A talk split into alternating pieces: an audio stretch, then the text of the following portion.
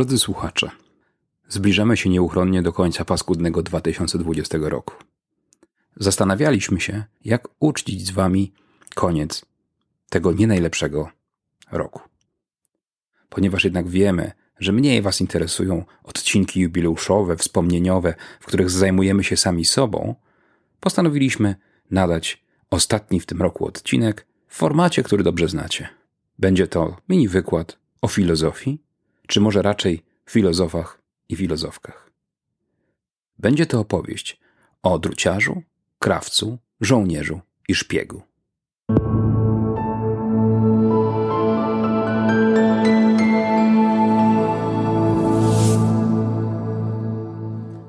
Każdy, kto zajmuje się filozofią, po amatorsku czy zawodowo, z pewnością spotkał się niejednokrotnie z opinią, że to może i poważna dziedzina, ale jej czas chyba przeminął. Że to trochę dziwne w epoce triumfu nauk ścisłych, podboju kosmosu, rozbijania atomu i rewolucji cyfrowej, zajmować się czytaniem starych książek, traceniem czasu na studiowaniem dawnych koncepcji, czy zadawaniem wciąż tych samych pytań. Generalnie szukaniem dziury w całym i dzieleniem włosa na czworo. Z drugiej strony, sama filozofia mocno przykroiła swoje ambicje. Nie buduje wielkich systemów, porzuca wielkie narracje, nie formułuje wspaniałych idei, które zmieniają świat. Nie narzuca nawet tonu ważnym współczesnym dyskusjom. Ba, filozofowie są nawet w tych dyskusjach prawie nieobecni. Pół wieku temu Leszek Kołakowski zbudował opozycję pojęciową, która do dziś jako metafora pozostaje w mocy, gdy chcemy jakoś zrozumieć pozycję filozofii. W artykule pod tytułem Kapłan i błazen rozważania o teologicznym dziedzictwie współczesnego myślenia z roku 1959 zaprezentowane zostały dwie postawy, jakie może przyjąć filozof i dzisiaj. Z jednej strony, jako dostojny mędrzec, będzie zwrócony w stronę przeszłości, będzie strażnikiem tradycji i wielkiej mądrości pokoleń, będzie prawdziwym kapłanem wiedzy. Z drugiej strony, może stać się, zgodnie z tradycją sokratyczno-cynicką, krytycznym prześmiewcą, destruktorem i dekonstruktorem. Nie skupionym, tak jak kapłan, na ochronie uświęconego kanonu, ale na poszukiwaniu nowych możliwości, wyrastających z ciągłego przezwyciężania tradycji. Rozwijmy nieco tę metaforę.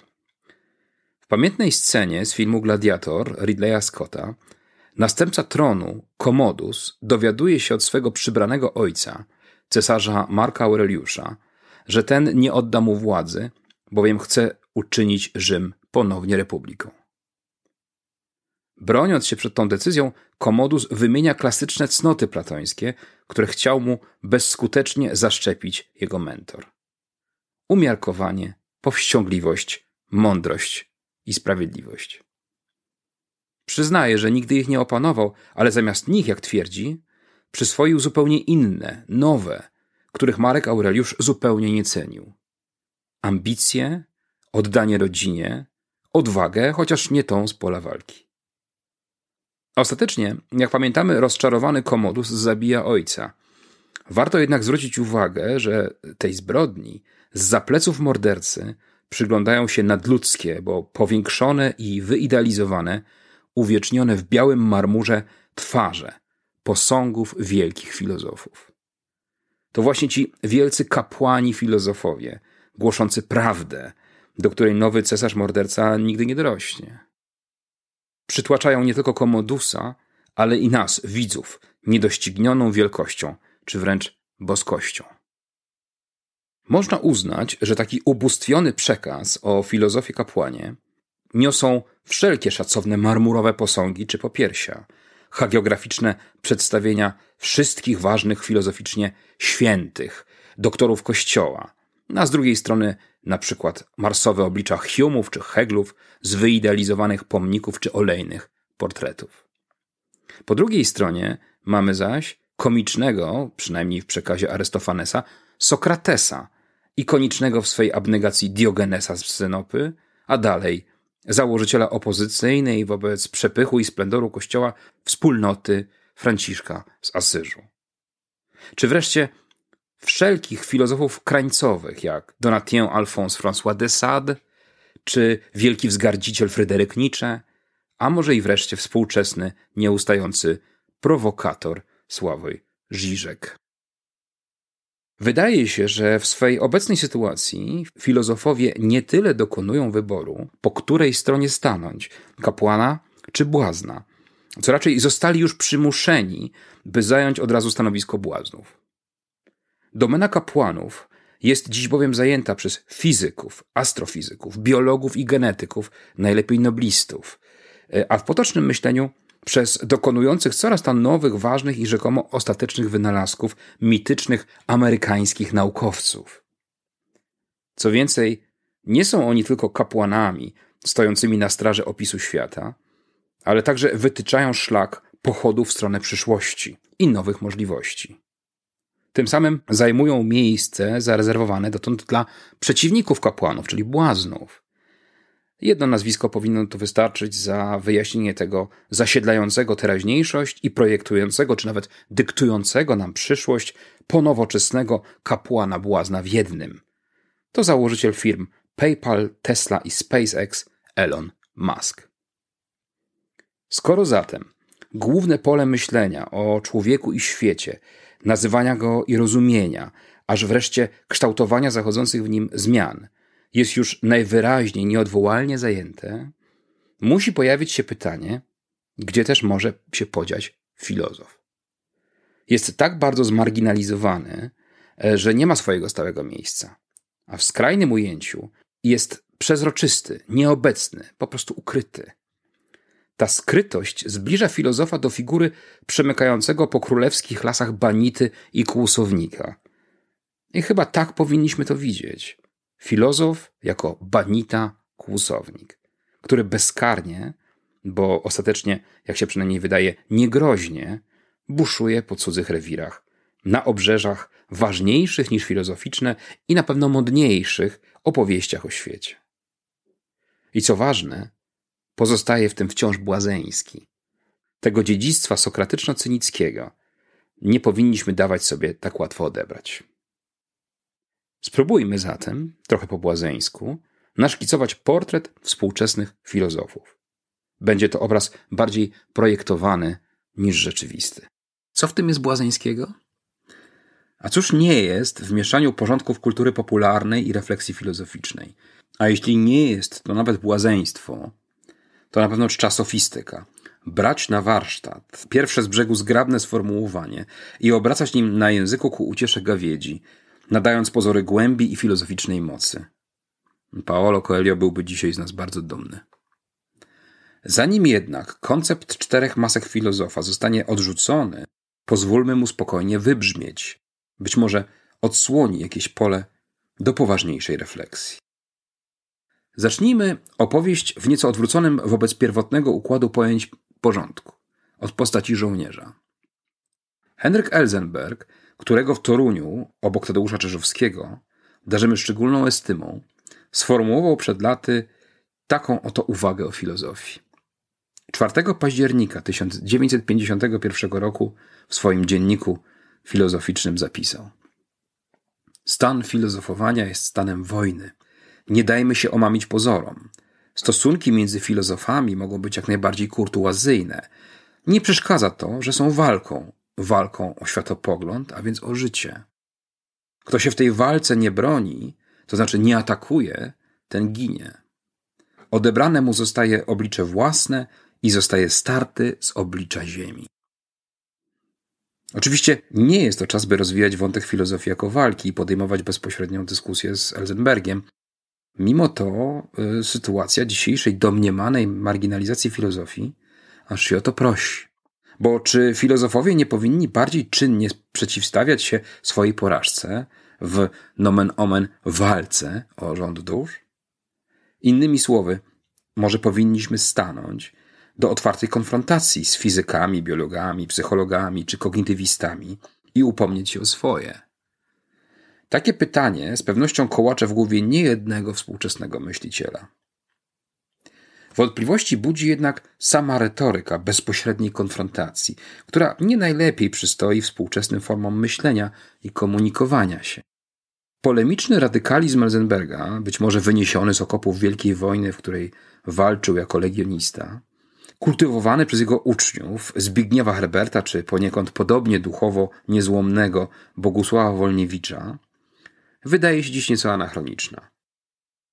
Ważniejsze jest być może to, że inne, bardziej miękkie, choć niekoniecznie szlachetniejsze strategie wydają się być po prostu skuteczniejsze. W tym sensie kłusownik i błazeński cwany ciura taborowy, w jakiego zmienia się dziś filozof, więcej może ugrać niż szacowny szermierz prawdy, kapłański epigon epoki filozofii, którego poważnych i ważnych klasycznych tyrad nikt nie chce już słuchać. Jeśli jednak do tego portretu kobierca wplatamy szorstką nić, nie wiem, dratwę żołnierza, to po to, by jednak podtrzymać słabnącą waleczność i determinację filozofów. Walecznej determinacji żołnierz ma zdecydowanie w nadmiarze. Bez niezłomnej żołnierskiej wiary w sens walki i być może odległe, ale jakoś jeszcze wciąż możliwe zwycięstwo, dawno byśmy my, filozofowie, oddali pola innym opowieściom. A zatem chwała żołnierzom filozofom. Być może nawet era wojującego filozofa żołnierza powoli przemija. Niech stanie tu nam przed oczami szacowna postać patrona szkoły lwowsko-warszawskiej, Kazimierza Twardowskiego w jego oficerskich butach. Możemy się jednak zgodzić, że filozofowie wciąż pozostają zwróceni ku przeszłości swej dziedziny i nie oddają tak chętnie jak inni swych starych zabawek do lamusa idei. O tym, że być może muszą jednak się jakoś zmienić, że muszą jakoś zmienić swoje podejście, przekonuje nas druga postać, którą tu wykorzystamy.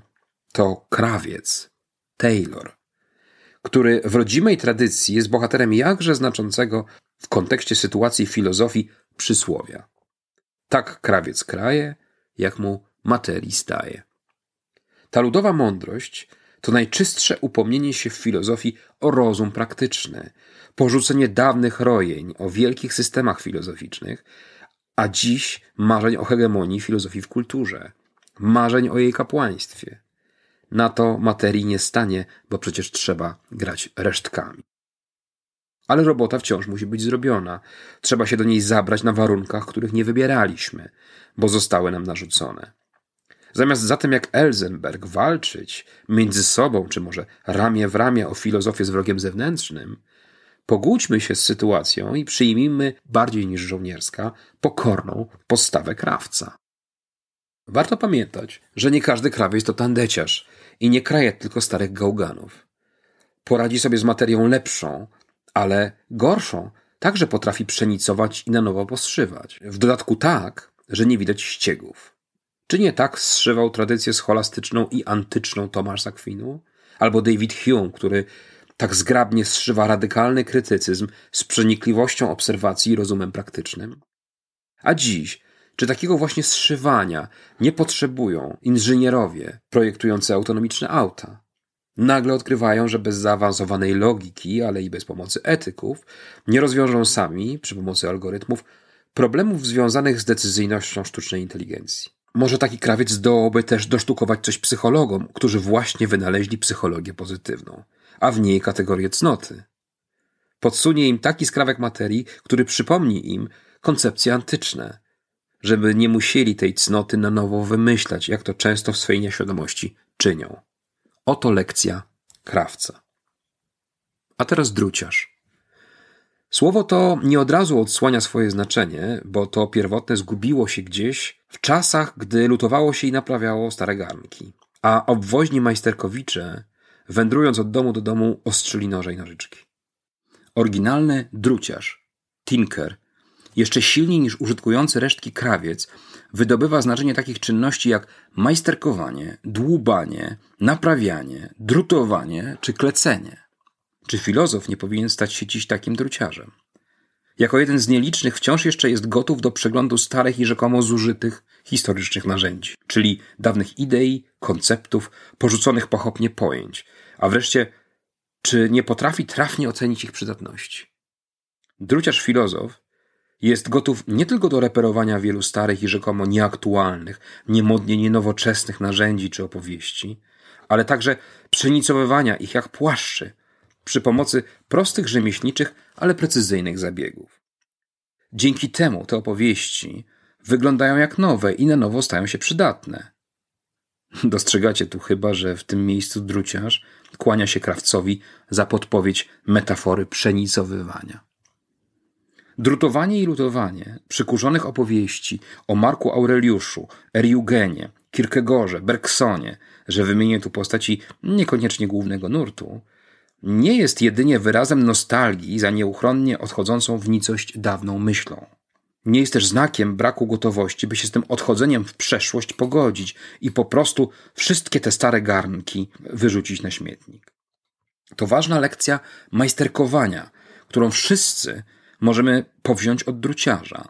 Starych garnków można wciąż używać, zardzewiałe noże naostrzyć, a dla nawet najstarszych gratów znaleźć nowe i sprawne zastosowanie. Tako rzecze druciarz. I wreszcie ostatnia figura, zdecydowanie najbardziej moralnie podejrzana szpieg. Żeby nie powiedzieć tajny współpracownik. Szpieg jest zamaskowanym, ukrytym w cieniu, podstępnym i niehonorowym przeciwieństwem szlachetnego żołnierza. Może żołnierz jest dzielny i prawy, ale to szpieg bywa przytłaczająco skuteczny. To właśnie z tej figury płynie najważniejsza dla filozofów inspiracja, by zamiast walczyć o kurczącą się domenę klasycznej filozofii, gruntownie zmienić strategię. Muszą się filozofowie nauczyć, tak jak szpieg albo kłusownik, odważnie stąpać po obcych włościach, swobodnie i bezkarnie korzystać z owoców cudzej pracy, wymykać się na gące obcych metodologii i ograniczeń dziedzinowych, a przede wszystkim uznać, że generalnie filozofom, jako kłusownikom i szpiegom wolno więcej. Są przecież wyjętymi spod prawa banitami dzisiejszej wyjałowionej z filozofii kultury. W takich warunkach ich najskuteczniejszą bronią i najmocniejszą tarczą jest fakt, że są tylko pozornie niegroźni. Bo tak jak błazny są przecież tylko pocieszni. To oczywiście pozór. Pod maską błazna kryją się, tak chcielibyśmy przynajmniej wierzyć, wyostrzony zmysł obserwacji, precyzja myślenia, staranność argumentacji. Kiedy zatem nieświadoma niczego ofiara zostanie osaczona przez uzbrojonego przez druciarza szpiega, zacznie zdawać sobie sprawę, że to tylko maski, będzie już zdecydowanie za późno. Filozof żołnierz zada śmiertelny cios, a krawiec tak to wszystko poszywa, że nie pozostanie żaden ślad. I tylko echo będzie jeszcze przez chwilę niosło pusty śmiech tych, którzy śmiali się z pociesznego filozofa.